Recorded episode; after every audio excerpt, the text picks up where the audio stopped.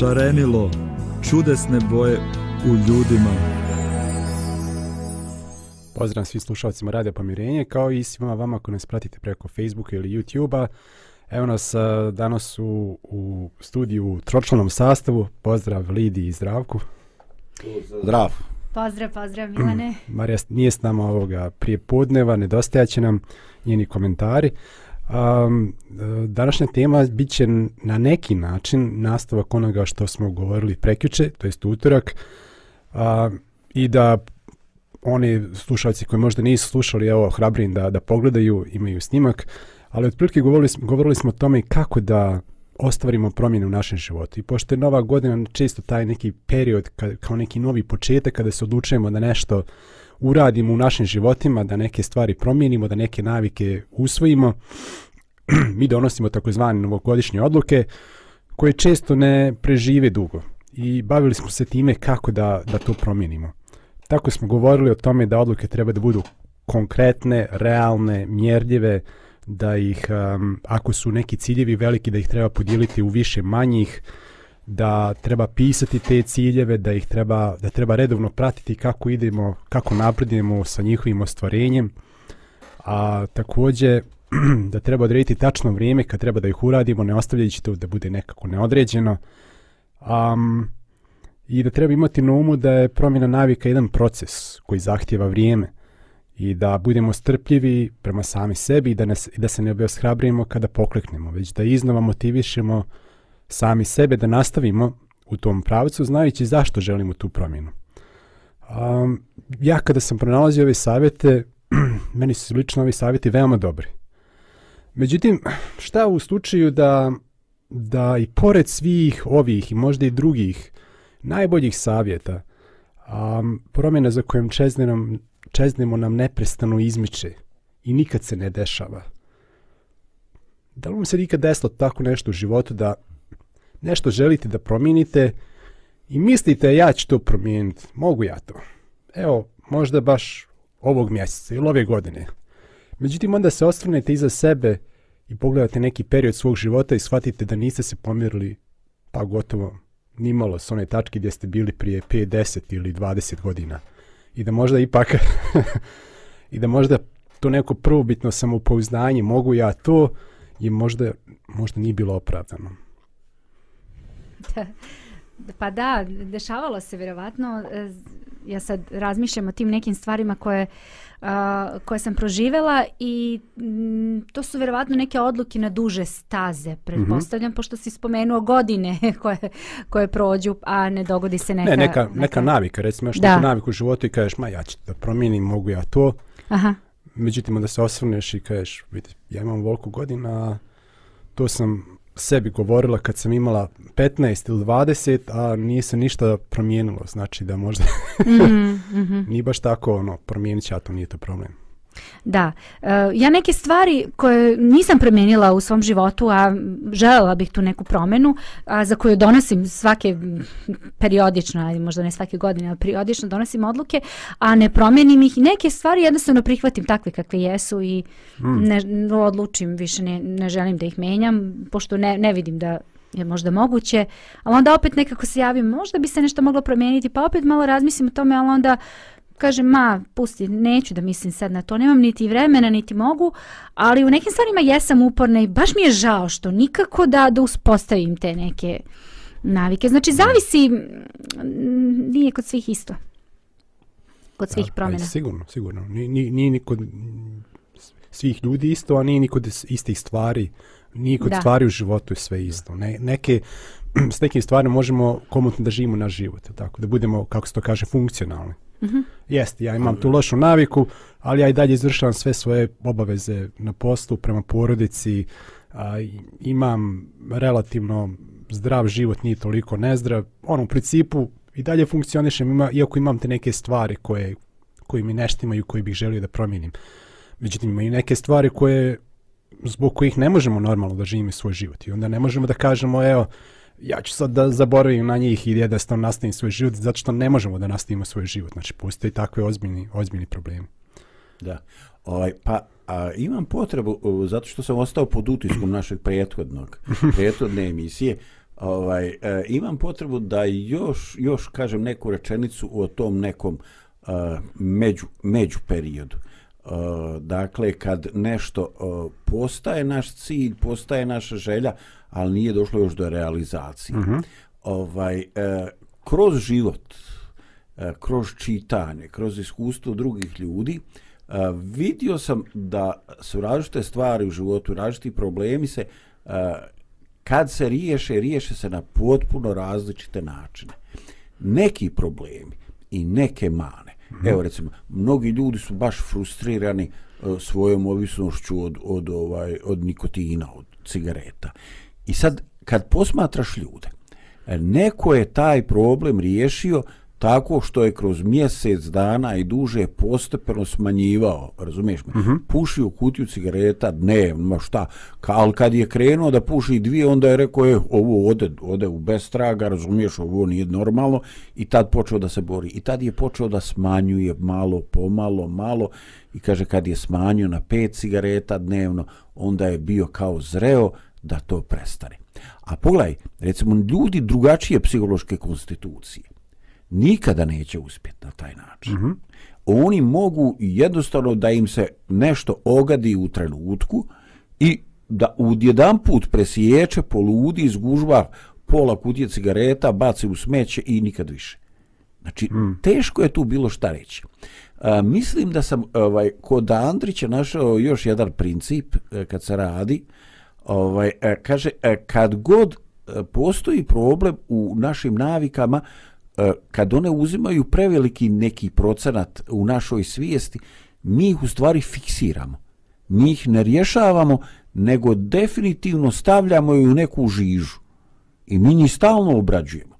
I mi smo sve dalje od rješenja. Mm. Znači, I ovaj, e, čak postoje principi gdje je to, ovaj, naravno i Andrić ne savjetuje kao pisac, nego kroz, ovaj, kroz usta svojih junaka, više ne znam gdje je to, gdje on kaže e, ponekad jedini način da se čovjek ovaj, oslobodi nečega da u nečemu pretjera. Hmm. Ovaj, znači, ovaj, e, imaš neku namencu. Ovaj, da. Da ti se smuči. Da ti se smuči od toga. Hmm. Da pretjeraš i onda kao, pa, tad zorno vidiš da je pitanje samo doze.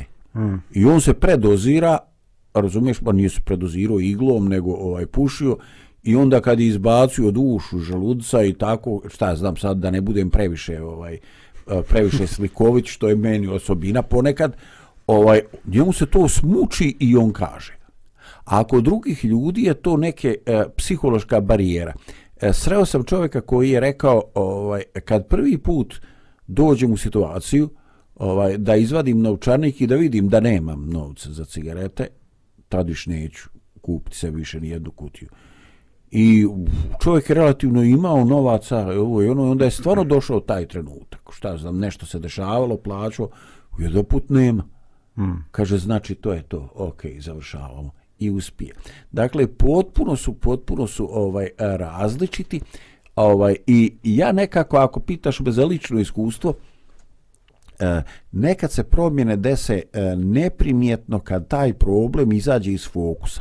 Dok se bavimo nečim drugim, kao da to podsvijest procesuira, radi na tome, hmm i ti to sazriješ i od jedan put vidiš pa, pa nije to neki problem mislim ne moram ja to ne moram tako promijeni se taj obrazac ne, neprimjetno ali opet kažem E, bilo šta da se desi, mi prvo ne znamo kako ćemo funkcionisati, ne znamo koji je slučaj kod nas i ovaj e, pogotovo e, problemi, navike koje nas na neki način, kako ti kažeš, čine disfunkcionalnim ili nas na neki način unižavaju u našem ponosu, su ovaj e, nešto što stvarno ono, troši čovjeka i što ovaj e, nije lijep osjećaj definitivno niko ne želi da bude rob e, niko ne želi da bude ma bilo čega bilo čega i, i niko ne želi da da proživi svoj život ne znam nija sa 5 ili 10% svojih mogućnosti zato što ima jedna velika stvar u njegovom životu koja crpi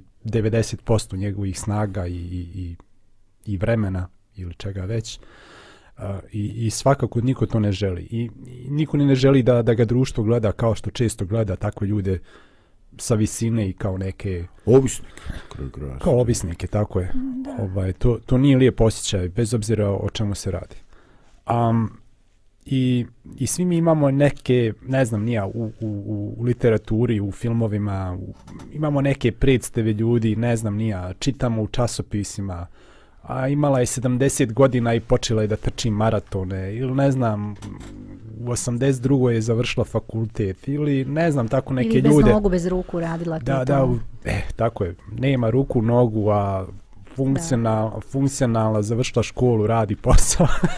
da. Osoba ili ne znam tako je puno slučajeva ili studirao je dva fakulteta u vrlo teške fakultete u isto vrijeme i radio i sve je uspio i sad kako mi da se mi ostali osjećamo pored takvih ljudi imamo obe ruke imamo obe noge uh, mlađi smo od 82 godine, ovaj čak i ja. da. Ovaj i i ne moramo da da radi, da da studiramo dva fakulteta i radimo posao isto vrijeme, opet ne možemo da postignemo takve uspjehe i onda onda to tako se ljudi ti postavljaju kao nekakvi ideali društva. Uh, a međutim šta šta ako mi ne možemo, ne možemo ni dio toga. Ovaj uh, i tu je se naravno problem poređenja sa drugim ljudima. Mi sebe uh, poredimo, mislim, sa nekim ko objektivno je drugačiji od nas. Mo možda ta osoba ne može da se u nečemu poredi s nama, možda mi možemo nešto što ta osoba ne može, ali definitivno treba prihvatiti da nismo svi stvoreni na isti kalup mm -hmm. i da, i da mjereći se sa drugim ljudima možemo samo ostati, da kažem, ili il depresivni i beshrabreni ili možemo biti ne, uh, oholi i arogantni. Ali znači ne možemo biti nekako da. u zlatnoj sredini kad se poredimo. Upravo sam to htjela da kažem, uh, nadolazim i misiju u tom pravcu da je jako važno da uh, kad postavljamo neke ciljeve, da ti ciljevi budu zaista realni. Hmm. Mislim, teško, ok, dobro, hajde, sad pokušavam neki dob dobar primjer da nađem ovaj, uh, u mom slučaju, ali nije bitno. Uh, Eh, to stvarno jeste jako važno, jer ako se ja sad, zavisi s kim se upoređujem, recimo ako imam možda sklonost ka nečemu i onda se upoređujem sa um, nekom osobom koja isto ima takve možda sklonosti kao ja, a postigla je neki uspeh, ja ću reći ok, želim da težim ka tome i trudit ću se da, tako, da taj uspeh postignem. A neko možda ima neke totalno druge sklonosti, uh, ovaj, koja ja nemam, a ja se tu nešto kao želim. Ok, možda ću ja postići neke rezultate. Ne kažem da možda neću neki uspeh postići, mm -hmm. ali je vrlo moguće da moji rezultati neće biti tako dobri kao rezultati nekog drugog. Pa evo recimo ja sad ovaj, vežbe koje radim, um, su stvarno baš onako baš intenzivne. Sad sam opet krenula sa nekim ovaj vežbama i to. Svaka čast. Ovaj da, neke malo intenzivnije, inače radim stalno nešto, ali sad neke malo intenzivnije. Nema šanse da ja uradim to sve u, u tom nekom um, vremenskom rasponu kome oni urade tamo ta grupa koja radi. Al tu je taj trener koji te stalno motiviše i koji kaže možeš, hajde idemo napred, ako treba napravi pauzu, ali idemo zajedno. Znači tu motiviše te konstantno da budeš stalno tu. Uh, I ja se stalno vraćam, znači ja crknem dok radim i a kad se završi on svojim rečima i svojim postupcima sve što radi, on tebe motiviše da se ti ponovo vratiš i da imaš ponovo želju da, da budeš deo toga. Ja godinama unazad ovaj, sve mene na vreme ovaj, radim te vežbe uh, I svaki put kad krenem, ja ne mogu, nemam snage, nema šanse. Ja i kad završim, ja još uvijek ne mogu da, da postignem taj nivo koji oni postižu. Ali mene to ne demotiviše zato što ja želim da postignem svoj cilj. Ne moram ja da izgledam kao što oni izgledaju, niti želim, niti možda mogu. Možda i mogu, ali nije mi to nekako baš cilj. Ja želim da, da ja imam ove ovaj, dobro zdravlje i postižem svoj cilj time što radim i to je to. Hmm sad se ovdje već ti dotakla neke važne principe o koji sam želio da govorimo danas, ali prije što ih onako baš uh, eksplicitno razobli, razobličimo, ajde napravimo jednu muzičku pauzu. Može. Može.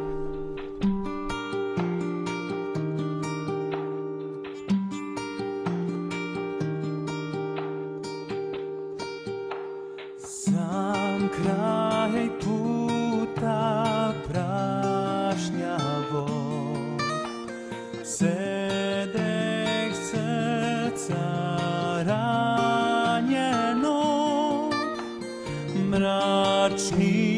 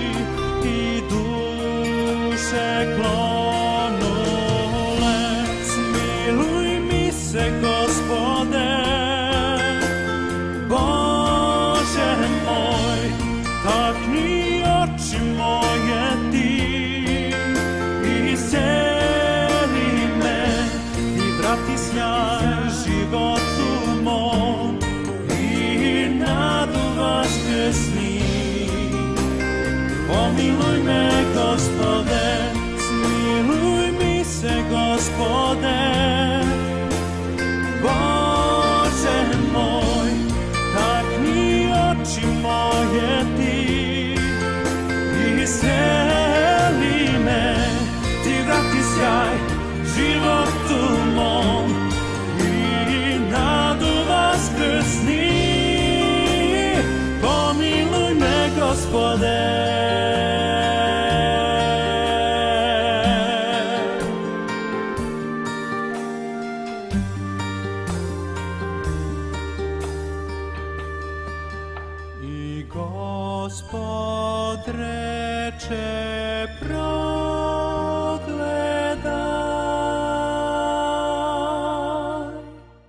nas nazad u studiju i nastavljamo sa našom temom. Um, evo Lidija, dok si ti govorila o tome kako ti je pomoglo da, da budeš istrajeno u vježbanju to što si se pridružila jednoj grupi gdje je pustio trener koji je, koji je vješt u motivisanju vas koji vježbate, smo se dotekli jednog važnog principa. To je da, da, da nekad nešto ne možemo sami, ali uz pomoć drugih ljudi možemo i to je jedan važan princip da mi nismo, da ne moramo u svemu biti, da kažem, solo, solo igrači koji zagrizu, koji zagrizu zube i, i pobjede, pobjede šta god je loše u životu, da nekad je, je, je dobro zatražiti pomoć drugih ljudi ili pridružiti se grupi istomišljenika ili ljudi koji streme istom cilju. U ovom slučaju, a, ta grupa je u tvom slučaju Lidija bila, bili su ljudi koji žele da, da vježbanjem poboljšaju svoje zdravlje, svoj izgled, a, kako se osjećaju u životu, ili tako imaju, imate nešto zajedničko i vi zajednički idete kod tom cilju i daleko je lakše nego da pa svako od vas... Nije, nije, to je grupa ljudi koji već dobro izgledaju, koji su već vežbali, znači koji, a možda ima nekoliko njih koji su prošli taj program i koji su skinuli ne znam koliki broj kilograma i koji sad imaju snage. Je to nešto to online se, ili uživo tamo neka? Me ja, to smo skinuli, nešto je Bojan jedva uspeo da nađe nešto besplatno, ostalo se sve plaća. pa dobro. Još uvijek, još uvijek, čak i, i posmatranje ljudi koji i, i uh mhm. -huh. nekak, nekako mentalno povezivanje sa određenom grupom ljudi dalje pomaže. Um, ne da, znam. E, izvini samo da kažem, recimo ja vidim da i oni nemaju snage, znaš i oni vežbaju, vežbaju pa ne može, pa vidim mm. baš teško mu je. I onda se ja poistovećujem sa tom osobom i kažem ok, ako ta osoba koja tako dobro izgleda, koja je toliko vežbala ne može, ja ne mogu, znači u dobra sam ja koliko i ja mogu da izdržim ovaj, u svemu tome. Tako da i to ima svoj deo. Jeste. Uh, Ova, i, I ne znam, ja se sjećam da uvijek je bilo lakše kad odem u čitavonicu da učim nego kad učim sam, načito, načito negdje u početku, šta ja znam, studiranja, zato što mi je jednostavno, kad vidim druge ljude kako se pate kao i ja, onda, onda ok, šta je tu, idemo. E, sabraća sapatnici. Sa, bez obzira što ja te ljude ne poznajem i što, što, što uče potpuno drugačije stvari od mene, ali, ali nekako sam, samo to prisustvo ljudi koji, koji imaju neki zajednički cilj, zajednički cilj. Ali, je li tako? Pa jesu neko smislu zajednički cilj i, za, i radi na nečemu, čini da je nama lakše da, da, da radimo isto. Ovaj, I konačno tu i taj trener. Znači, trener je neko koji je, koji je iskusan, koji, koji zna ne samo kako da treba da se vježba, već i zna i način na, na koji može da, da motiviše ljude. I u tom smislu, uh, A, nije loše da razmislimo um, da, li, da li u našoj blizini uh, ima osoba koja, ako imamo dakle neku stvar koju želimo da promijenimo, neku naviku s kojom ne možemo da se izborimo ili neku odluku koju želimo da sprovedimo života, a nismo sigurni da možemo sami ili smo već uspije, pokušavali i nismo uspjevali da isprovedemo sami, a, uh, doba, dobar način jeste da potražimo podršku naših bližnjih. Znači, to nije sramota, to je, to je jednostavno e, zajedno možemo više da uradimo nego, nego pojedinočno i, i, i, i dobro je zatražiti pomoć nekoga. Znači, to, je, nije, to možda zvuči kao izlizana, izlizana ideja, ali, ali ona se često spominje zato što radi. Um, ovaj sistem u stvari funkcioniše. Dakle, posjedovanje jednog solidnog sistema podrške može vam pomoći da ostanete motivisani i odgovorni.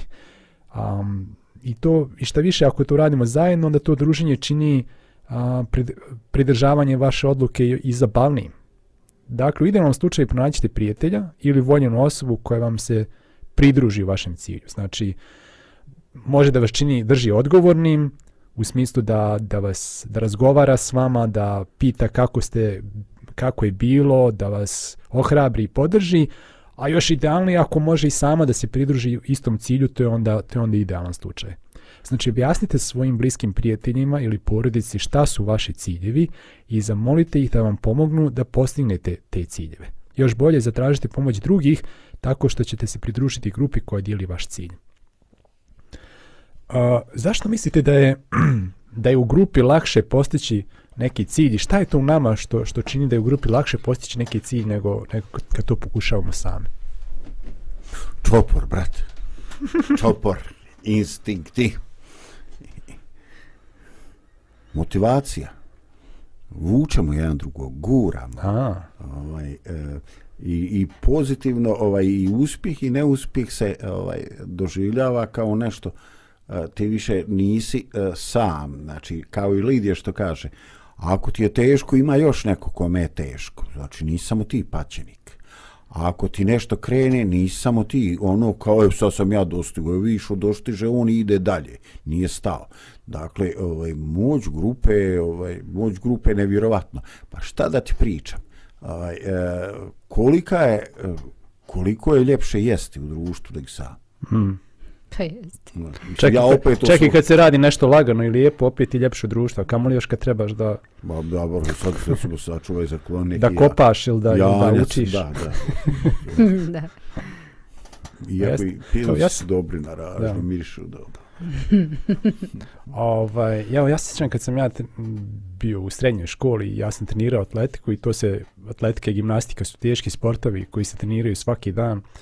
I, ovaj, I naravno da je često se dešavalo da, ne znam, do, dođem iz škole, uh, gladan, najedem se i onda nakon legnem u krevet pospan, znači uh, mozak umoran, želudac pun hrane i sad ja ono, gledam i trebam za pola sata da idem na, na trening. I naravno da se osjećam, ja stvarno ne želim.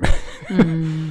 Ali onda se sjetim da tamo ima, da me tamo očekuju moji drugi Đugo, Pero i... I, i, i onda, onda će me pitati što nis došao, pa što, ovo ono, i onda, ajde nekako se natiram, odem, pa onda, tamo, pa onda tamo sjednemo, pa 15 minuta nećemo da idemo da se prestlačimo, zato što se žalimo jedan drugome kako je, a joj, jes mi bilo teško se natirati, a joj, jes nikako mi trenirati danas, mhm. joj, što sam ja ovdje došao. I onda tako sam jez, izjedamo jedan drugom i na kraj neko kažem, ajmo, ajmo, šta viš se gubimo vrijeme i na kraju odemo i odradimo trening i, um, i, i zajedno je za, definitivno lakše. Uh, ja, ja to često pukšano dočaram ljudima koji, koji ne razumiju zašto je lakše trčati u grupi nego sam, jeste da se ja osjećam kao da sam kao da sam jedan točak na, na, na autu ili, na, ili možda jedan od osam točkova na nekom velikom kamionu i gdje ja nosim samo dio tereta. Hmm. A, mhm. da smo mi kao jedan, jedno vozilo ili jedan veliki organizam koji trčimo zajedno, ja nosim samo dio tereta i tako se zaista osjećam. Kada sam jedan toč, to, točkić u mehanizmu, a kad trčim sam, onda, no, onda osjećam da ja nosim sav teret. znači, Ima to, to logike. I, da. ovaj, I onda kroz godine tako treniranje zajedno, ja sam stekao naviku i, i više ovaj, I onda meni se ljudi neki čude ovako kad me vide, kako ti se da, vid kako je hladno, vid kako je vrijeme. Mm -hmm. ovaj, kako nisi umoran poslije čitavog dana da sad još ideš i da trčiš. Ali to je nekakva disciplina i navika koju sam ja stekao u društvu i sad mogu da je održavam i sam.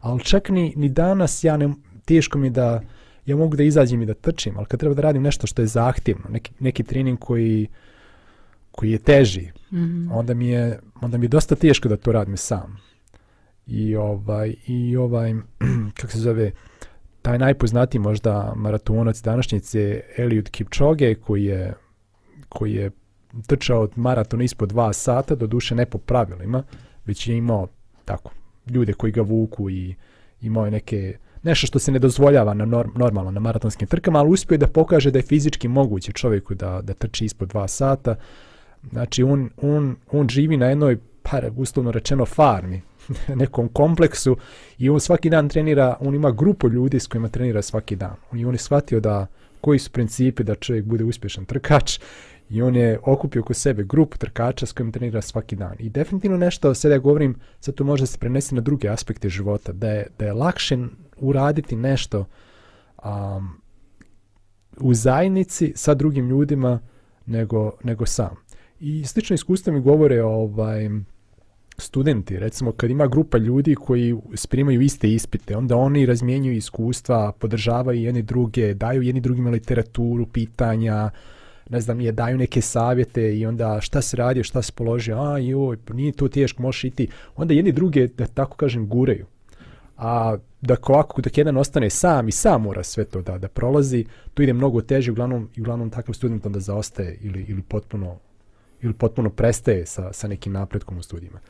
Tako da, shvatate šta, šta želim da kažem. Da li, da li vam dolaze neke asocijacije na pamet kada vam pričam? Evo, meni upravo uh, znači da, da podoprem koliko je podrška grupe jako važna i koliko, koliko je grupa kao grupa uh, bitna jeste, evo, ja ću spomenuti ono što je meni blisko, a to je da recimo kada, m, kada želim neku pesmu da jedna grupa uh, nauči da otpeva, da li je to neki hor malo veći ili je neka manja grupa, uh, uvek, mi, uvek budu tako neki ljudi kojima ja javim kad je proba i oni kaže, a dobro, ok, nisam sigurna da ću moći, ali nema veze, ne brini ti za mene, ja znam tu pesmu.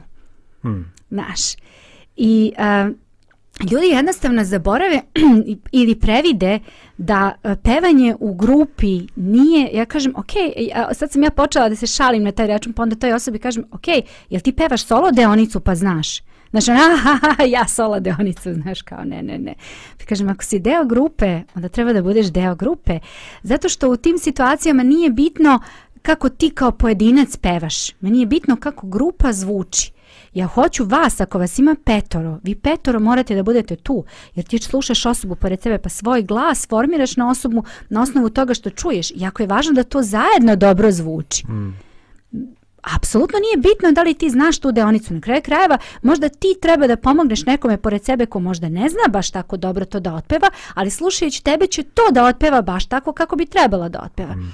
Znači ta podrška grupa, ja inače sad ovaj, u studiju Reset radim emisije vezane za muziku, pa jedna moja emisija govori upravo o tome, o podršci, o grupi, koliko je važno ovaj, da, da, da brinemo jedni o drugima i da podržimo jedni drugi u svemu. Uh, Znači super je pojedinac, sve to odlično, ali grupa igra jako, jako važnu ulogu.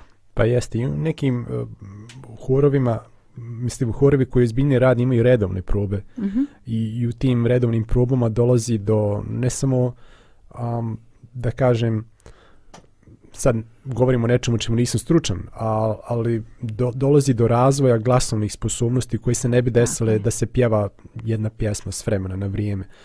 I Međutim, to je moguće samo zbog toga što oni redovno odvajaju vrijeme, ne znam koliko, jedan put, dva, tri puta sedmično, sastaju se, imaju vježbe za, za mhm. razvoj glasa i za, za povećanje tog neki, nekog obima, um, pomozi mi, kako se kaže. E, volumena, što Ne volumena, već um, povećanje raspona tonova koje, koje jedna može osoba da otpjeva, uh, I ovaj i, i sve se to dešava sve to moguće da i meni se dešavalo tako da sam recimo neku, neke osobe koji se bave pjevanjem nisam imao prilike da čujem godinu ili dvije i onda poslije kad ih čujem ono prosto se zadivim kad primijetim taj napredak i, i u ljepoti pjevanja, u rasponu glasa, u kontroli glasa, u pjevanju, u pjevanju neke. Znači sve to moguće kroz redovno vježbanje, kao i svaka vještina. Kad si me osluškivao? Kad ti vušiš u kupatilo. ovaj, tako da, um, ali to je moguće zato što je neko žrtvovao svoje vrijeme i bio redovan u nečemu. I, a možda je upravo tome pomagalo to što ni ta osoba išla sama da pjeva, mhm.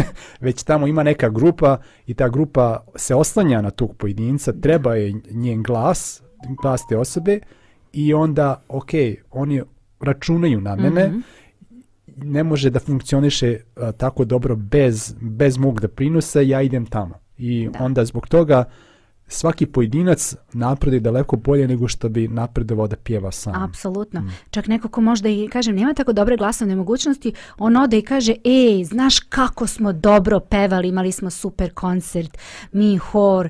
Znaš, i ti kad čuješ to kako peva, ne zvuči ono baš tako dobro. Uh, ali ona je deo tog hora mm. i hor kao hor zvuči dobro, sastav kao sastav, kogod uže vežba, znači oni dobiju svoju boju, znači ti čuješ tačno kad čuješ, aha, znaš da je to taj hor, zašto? Zato što su dugo vežbali zajedno i zato što su oformili tu boju posebnu koju nemaju drugi, recimo, horovi. O tome bi moglo dugo da se priča, ali... dobro, evo, znači ovo je pitanje, znači ne samo da je riješ... E, vama je poznato da, da grupe, da, da zavisnici, najčešće rješavaju svoje probleme u grupama. Znači, u, u grupi je lakše pobijediti neku zavisnost a, nego sam. I sam je to često nemoguće kad su pitanju neke vrste zavisnosti. Ali čak i kad ne, da nemamo problem sad, evo, nismo, nisam alkoholičar, nisam, nisam zavisnik od drugama, ali želim da, da postigne nešto u životu i da, da napravim napredak u nečemu što mi je bitno. Uvijek će biti taj put prema izvrsnosti biti lakši ako mm -hmm. sam okružen drugim ljudima koji teže istom cilju,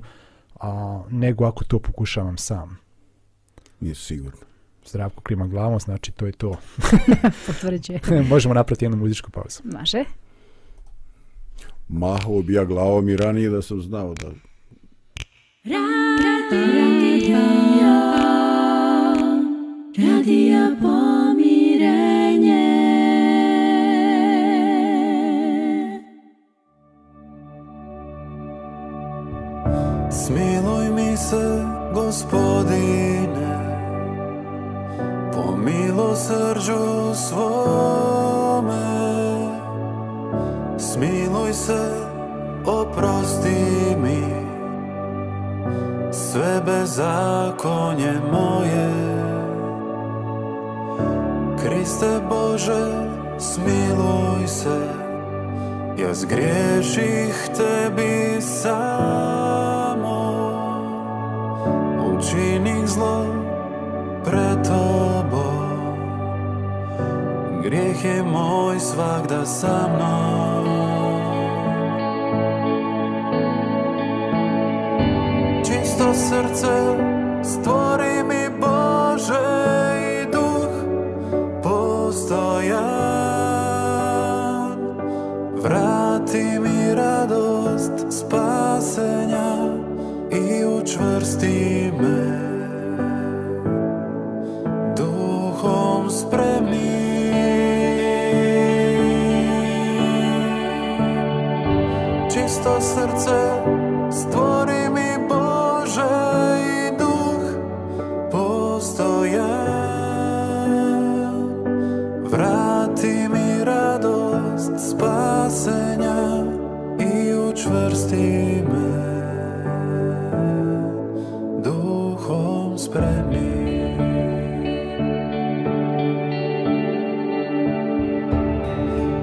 probi me izopo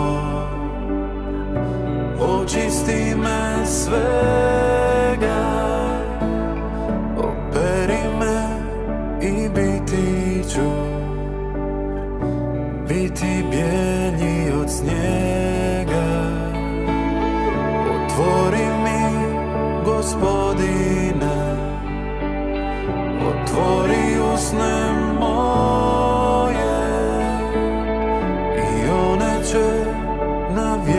podstaty, diela pravde tvoje.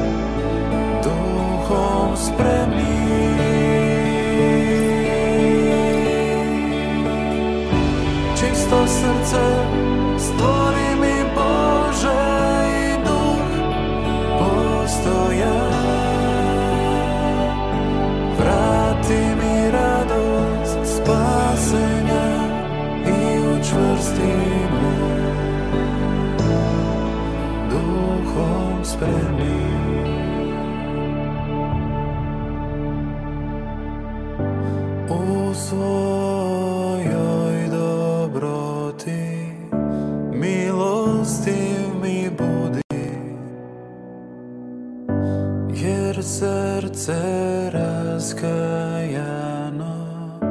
Nećeš prezreti Evo nas nazad u studiju. Savjeti u koji smo govorili prekoći dodali smo još jedan bitan. Tražite podršku drugih ljudi u grupi, lakše ostvariti cilj. Pa čak i ako imamo jednu jedinu osobu s kojom možemo da podijelimo neku, neku svoju odluku ili cilj, daleko je lakše nego, nego ići sam. Uh, Stoga nemojte da vas, ne znam, ponos sputava da tražite pomoć drugih. A, ono što je bitno jeste gdje ćemo doći na kraju, a ne a, da li smo to stvarili sami ili, ili smo imali pomoć. Međutim, svi ovi savjeti o kojima, kojima smo govorili su psihološke prirode i oni pomažu ako mi imamo neke dobre želje, ali problem da ih realizujemo. Ili... Um, i ako imamo određenu snagu volje da ih realizujemo.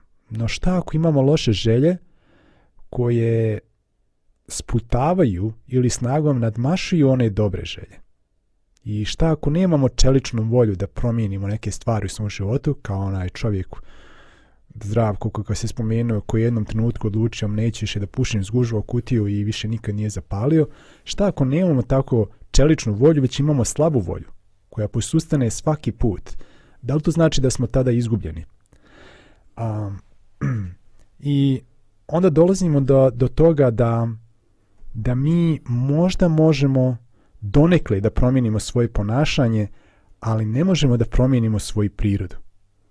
Recimo, mi možemo da se nasmiješimo i ljubazno pozdravimo komšiju ili radnog kolegu, zbog toga što želimo da ljudi o nama dobro misle, što želimo da, što možda računamo da ćemo trebati nešto od tih ljudi jednog dana, ali to nas neće spriječiti da o tim ljudima možda negativno mislimo ili da ogovaramo ih kad, kad nisu tu.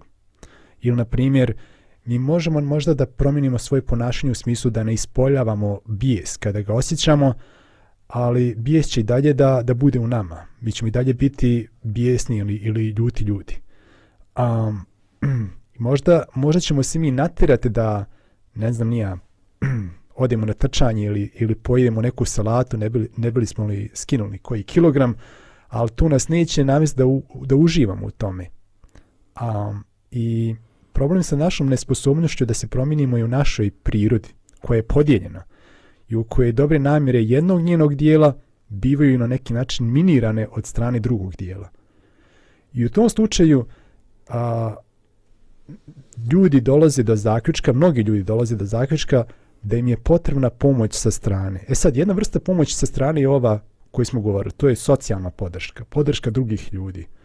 Ali čak i, recimo, kada su u pitanju neke promjene koje su za, vrlo zahtjevne za nas, čak ni ta socijalna podrška nije dovoljna. I recimo, ja, ja mislim da je Bože o tome pričao, da jedan od koraka u onom 12 koraka odvikavanja od alkohola, koji se onda primjenjuje i za druge zavisnosti, jeste vjerovanje u višu silu. I ovdje bih govorio o tome a, kako mi ljudi možemo da primimo tu višu silu, tu Božju silu koja može da promijeni naš život. Na koji način možemo da je prizovemo i da, i da na neki način uh, dozvolimo toj sili da promini ono što sami nismo mogli. I, i koji bi recimo bio prvi korak koji biste vi preporučili nekome koji, kojemu je potrebna sila za, za promjenu života koji sam nema?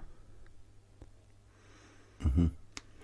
Oj, ovaj, pa vidi, ovaj, ajde, pokušavam da kažem nešto što nije teorija. Ovaj, onda prizivam neka svoja iskustva meni dragih, poznatih ljudi ovaj, i čini mi se da mogu da identifikujem, da prepoznam dvije situacije ovaj, u, u kojima se to dešava ili ako ta pomoć dolazi sa strane, mi, mi volimo reći od ozgo, ovaj, onda nisam jedini učesnik u tome. Znači, neko gore mora da odvrne slavinu uh mhm. -huh. i da usmjeri to prema meni. I drugo, ovaj ja na neki način moram e, biti siguran da sam ja voljan da ta blagotvorna kiša, ta slavina od ozgo, da me natapa, da navlaži moju suvu dušu i tako. Znači, postoje dvije strane u tom. Postoje dvije strane i čim govorimo o pomoću od ozgo, mi govorimo o odnosu. Mm -hmm. Znači, ne, o, eh, ne više ne govorimo o metodologiji i tehnici, kao što govorimo u psihologiji. Ovdje govorimo o odnosu. I sad e, motivacija i odnos između te dve stvari, između božanskog i ljudskog, e, postaje ključno pitanje i najveći neprijatelj toga je ovaj što mi ljudi pokušavamo e, da sa Bogom komuniciramo onako kako komuniciramo s ljudima. Na primjer, ti meni, ja tebi. Evo ja ću raditi to i to i onda mi sami izaberemo šta ćemo raditi, a od druge strane tražimo da nam uradi ovaj nešto. E, ka, uopšte nismo, ne možemo ničim potvrditi je da Bog jako sretan našim izborom, eto, mi dogovorili se da sami sebe mučimo, pa će Bog biti milostiv. Eto, sad Bog ima neke koristi što ja sam sebe mučim. E, pogledajte, to je fenomen u istoriji religijoznosti koji se ponavljao. Znači, to je obrazac, katastrofalni pogrešan obrazac ljudi su vršili pokoru, bičevali se, radili gluposti, e, krvarili koljena, odali u stepeništa, kamena, ovaj, na koljenima. Ljudi su svašta radili da umolostive da, Boga na, mhm. na putovanja, način. Da. Mm. Na dugočka putovanja kako bi posjetili neka sveta mjesta gdje bi, gdje bi mogli da dobiju pomoć. Da, o, pa čak to ne vidim kao, kao klasičan primjer. Ovaj, e, ako, ako ljudi odu na mjesta koja ih duboko inspirišu, ne vidim tu nikakav problem ali govorimo o onome kad mi, posta, mi ćemo tebi, Bože, ovo da bi od tebe dobili pomoć za nešto konkretno. To nema dobre komunikacije. Ovaj, dakle, e, e ja sam od prilike dakle, vidio dvije situacije u kojima se to dešava. E, jedna situacija u kojoj čovjek prijima pomoći ili je fasciniran ljepotom, mm. Božijom ljubavlju. Uh mhm. -huh. E, nečim što je tako dobio od Boga, preko čovjeka ili direktno. Znači, jednostavno zatečen je. Bože, ta milost koja ja dobijam, ja nju nisam zaslužio. Znači, ta fasciniranost je jedan trenutak u kome se to dolazi ili trenutak u kome se čovjek definitivno raspada kad e, gubi nadu da će naći neko opravdanje za sebe. Znači, jednostavno kad se suoči sa, suoči sa problemom. E, tek čovjek koji je potpuno svjestan svoje bespomoćnosti uh mhm. -huh. otvara dušu da primi silu dozgo. Dogod mi kalkulišemo, gdje ti Bože malo pomogni, ali ja ću pa da nas dvojica liči na onu ovaj, e, sliku iz Vesele Sveske. Ja sam ta generacija politiki zabavnik Vesela Sveska. Kaže Ima drveni most i trče miš i slon. I kaže miš slonu, čovječe, ali tutnji kad nas dvojica trčimo. to je to. Da. Bravo. A, jeste, ovaj, htio sam još da dodam da, da je opet ljudski punos na neki način prepreka da se to desi. Mm -hmm. mi, mhm. mi volimo da o sebi mislimo kao snažnim osobama, osobama koje mogu sami da pobide svaku, svaku slabost, svaku lošu naviku, svako iskušenje. I onda kad se nađemo u situaciji da ne možemo, uh, e barem je taka naša muška psihologija, vjerovatno i, i, mm -hmm. i ljudska generalno, jeste da se mi osjećamo na neki način poraženi, da se osjećamo manje vrijednim i da se zbog toga loše osjećamo. Opet kažem, uh, bitnije, bitnije, um, bitnije da ostvarimo taj bitan cilj u tu promjenu za kojom čeznemo, to je mnogo bitnije od toga hoćemo li ostvariti sami ili s pomoć nekih drugih ljudi ili, ili, ili s pomoć Božiju. Uh, I, I kao što nas možda puno sprečava da, da potražimo pomoć prijatelja ili nekog člana familije da nam pomogne u, u rješavanju nečega, u, u, u, u sprovođenju neke odluke, isto je tako punost koji ljude sprečava da, da ne neki način priznaju svoju nemoć i slabost i potraže i potraže Božju pomoć u nečemu što sami ne mogu da razriješe. I sve dok, iako je, evo, svima vama koji se nalazite u takvoj situaciji, koji mislite da možete da svoje probleme uh, i svoj, neke loše stvari u svom životu da sami promijenite, evo ja vas ohrabrim, uradite sve što možete svojom silom da, ih, da, ih, da, ih, da to, da to mm -hmm. riješite. Sve. Znači, nemojte da, da se zadržavate s pola snage, već sa svom snagom navalite i sve to razriješite. I ako uspijete, imate moje čestitke, svaka vam čast. Ali ako ne, i tada ne uspijete, znači, ovo je, ovo je savjet za vas i za mene, zato što se svi mi u nekom aspektu života nalazimo u nekoj situaciji da ne možemo sami da možda neke stvari možemo, ali druge stvari ne možemo da rešimo sami i da nam je potrebna Božja pomoć. Kad se nađete u toj situaciji, e onda ste e onda ste onda smo otvoreni da da primimo tu Božju pomoć i Božju silu koju on želi da nam da.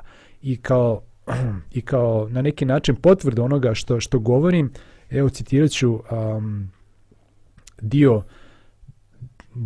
Davidovog psalma koji se kajao zbog, zbog ubistva koji na neki način omogućio, o čemu smo također govorili u, u, na našem radiju, gdje on kaže, žrtva što se dopada Bogu, skrušen je duh.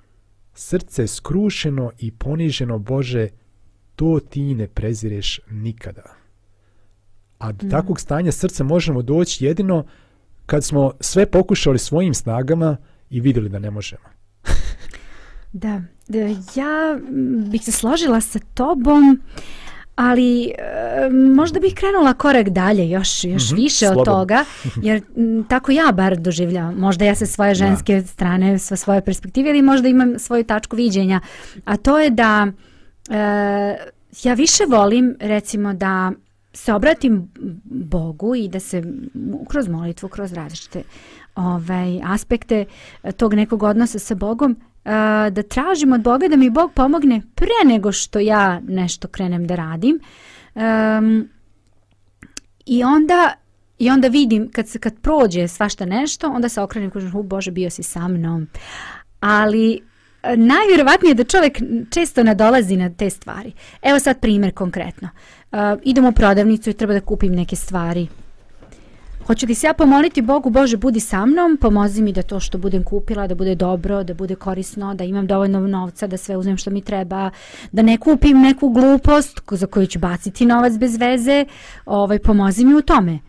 Ovaj, mogu ja da se pomolim Bogu? Aj, ne moram. Bog ne očekuje od nas, recimo, ili ne znam šta bi kuvala za ručak svoje deci. To su tako banalne, glupe stvari. Neko bi rekao, pa zašto optećuješ Boga sa tim? To su tako neke sitne stvari. Mm -hmm. Bog želi da bude, ne mora, ali želi da bude deo toga ako mi to tražimo od njega. To hoću da kažem, Bog je spreman da čak i tim nekim malim stvarima bude deo našeg iskustva i da nam pomogne u tim nekim manjim stvarima, a i te kako ako zatražimo ove će biti. Hoću reći nije nikakva pogreška otići u prodavnicu ili otići do grada ili otići bilo gde, a možda ne zatražiti Božju pomoć da on tad konkretno bude u toj situaciji. Uh, jer možda bi malo bilo i ne znam, čudno da konstantno uvek ovaj, a ne znam, to sad sve zavisi, malo je to ovaj kompleksna priča. Ali ako i zatražimo u tim najbanalnijim stvarima pomoć od Boga, Bog je spreman i tu je i hoće da nam pomogne. Hmm. Pa dobro, ako dozvoliš. Dozvoljavam, dozvoljavam, e, baš ti hvala. Ovaj, evo vidi, ja bi, ja bi vratio stvar na ono ovaj, e, što si ti dao akcenat, e, naravno ovo stoji što je Lidija pričala, na ono e, gde se, gde se čovjek susreće svojom nemoći. Uh mhm. -huh. Dakle, imam ja volju, htio bi ja, i onda dođe do onoga što kaže Pavle, može li ris promijeniti svoje šare i ja ti opljeni svoju košu. Uh mhm. -huh. Znači, moguće su kozmetičke promjene, moguće je nanošenje pudara, ali e, e, istini za volju, mi glancamo, e, čak Isus kaže farisejima, vi čistite čašu s polja, ono što se vidi pred ljudima, uh -huh. a mhm. unutra ste kao grobovi, puni nečistoće, kostiju, raspadanja. Dakle, e, vratio bi se na ono gde čovjek zaista pred visokim zahtjevima Božih zakona ostaje frustriran. I onda on, ovaj, e, e mislim da je to već definisano. E, Bog mu pomaže kad se on isprazni od sebe, od svog ega. Uh mhm. -huh. Kad on ne kaže, ajme Bože, malo ti pomozi, pa ćemo dijeliti zasluge. Bog mu pomaže kad se on raspadne i kaže, mene nema nigdje, ja sam mrtav čovek, razumiješ me? I Bog pomaže. Ovaj, I Bog učini i dođe promjena. Uh mm. -huh. E sada, ono što možda je na neki način bilo makar šokantno u mome životu, kad ti shvatiš da ta pobjeda nad nečim što je bila tvoja muka ide u drugi plan da je ona mnogo manje važna od tog iskustva da je Bog djelovao u tvom životu jer tvoj nedostatak grijeh bilo šta drugo nije veliki problem za Boga onog trenutka kad ti zavapiš Bog to može riješiti odmah ali e, e tvoj zatvoreno srce za Božje djelovanje je veliki problem jer Božja sila neće djelovati nasuprot ljudske slobode. I dakle, kad čovjek pobjedi, kad čovjek triumfalno prođe kroz neko veliko iskušenje, kad čovjek doživi promjenu, metamorfozu u svog životu, čak i to nije punina pobjede. Hmm. Punina pobjede je što je u svojoj biografiji, u svome iskustvu, u svojoj svijesti, uh, uh, baštinio, sačuvao, upisao u svoju memoriju, u svoje gene, tog iskustvo direktnog Božjeg djelovanja. I onda Bog više nije nije stvar logike dokazivanja. A šta o tome kažu naučnici? Šta me briga šta kažu naučnici o tome? Dakle, to e, Božje otkrivene u pojedinačnom životu je cilj, a sve ovo ovaj, Bog e, rješava e, veoma lako kad je taj preduslov ovaj, e, prvi kad je riješen kad smo otvoreni za Božje djelovanje. tako je, znači kad čovjek doživi to da Bog interveniše u njegovu korist, a, to u čovjeku stvara osjećaj neke sreće koje je teško pisati, da je nekom je gore svemoćnom Bogu koji ima oko sebe, ne znam nija, hiljade, milijone anđela, čitav svemir na da. raspolaganju da, da on vidi mene jednoga od I sedam... stalo mu do tog Kejnca mm. mislim, mislim sad na sebe a ni tebe ne bi od sedam nešto milijardi ljudi on vidi mene i vidi moju potrebu i djeluju moju korist pa ko sam ja gospode da ti hoćeš da ti mene vidiš da ti djeluješ da tretiraš korist. nešto bilo koji način da me tretiraš. I, i to rađa neki osjećaj zahvalnosti i neke želje znači to je neko iskustvo koji obično, obično ljudi znači ima sva, raznih ljudi, raznih reakcija, ali obično reakcija ljudi nije, e, hvala ti Bože, sad idem ja, mogu ja sam. Ne, ja hoću, ne taj pušten. problem je riješen da. Ili, ili, ili, ili možda nije ni riješen, a možda sam ja dobio snagu da se nosim mm. sa mhm. njim. Ali to je iskustvo da, da, da, da, da je Bog intervenisam u ovom životu to je, to je, to je neki vrhunac ljudskog iskustva i koje, i, i koje čovjek želi da nastavi dalje. Tako da ono što je zdravko, ti, što si ti rekao, to je, to je velika istina. Znači, nije taj problem toliko bitan. Bitno je da, da kroz to iskustvo, rješavanje tog problema, mi, mi stupamo u neki bliski odnos sa Bogom ili bliski odnos sa Bogom, ako smo ga već imali. Da. I onda, mislim, kao neki, onda više čovjek ne mora da, ne znam nija, da padne da lupi glavom od zid, ne mora da, da, da pokuša nešto iznova iznova pa da opet traži Božju pomoć. On već zna da je Bog tu. Da, I on zna obrazac da mu, ponašanja. I on više neće čeka da dođe do... Cara Doduvara. Da. Cara Doduvara. Da, kad više iscrpi sve svoje opcije, a joj opet Bože moram tebe da tražim. Ne, on, Bog je sad mnogo, čovjek je mnogo sad slobodniji da, da traži tu pomoć. I nakon nekog vremena i godina iskustva s Bogom, uh, onda dođemo do te situacije u kojoj si ti Lidija nalaziš. To znači, ja više ne tražem samo Boga kad mi potreba neka velika stvar. Bog je moj prijatelj koji je, koji je, koji je otac i prijatelj koji je stalno uz mene i mogu da tražem njegovu pomoć i malim stvarima, zato što imam odnos. Mm -hmm. u, mm-hmm. da. I taj odnos je nešto što traje daleko, daleko više od tog problema koji je zbog, koji je ovaj, zbog kog smo uopšte i tražili Boga i odnos sa njim. Ja bih samo rekla da je naš taj život nekako neka amplituda, nije ravna linija ili uzlazna linija samo, nego je amplituda. Nekad imamo mi ljudi i, i u tom iskustvu i kada prođemo sa Bogom, te neke stvari još uvijek mi kao ljudi želimo sami još uvek silno želimo da mi to nekako uvek rešimo, da mi smo uvek tu koji ćemo nekako sve konce držati u svojim rukama. Tako da, ali Bog čeka, tu je uz nas i čeka da, ovaj, da bude opet uz nas kad budemo tražili mm, ovaj, njegovu pomoć, pa onda opet smo negde gore, pa onda opet tako idemo nekako tom nekom putanjom. Ovaj, tako da, ako, ako smo negde dole sad, ima mogućnosti za nas da se popnemo. Milane, ovaj, e, desilo se nešto što ovaj zašto ja imam neko svoje ime.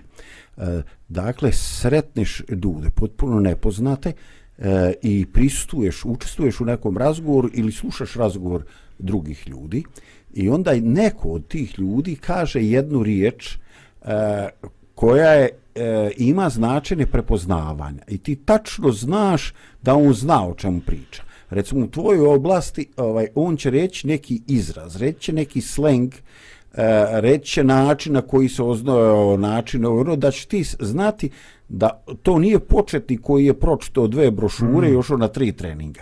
Znači ti ćeš po nekome izrazu, nekome stavu znati da se radi o starom vuku. Evo, ja sam sad govorio iskustvo iznad problema.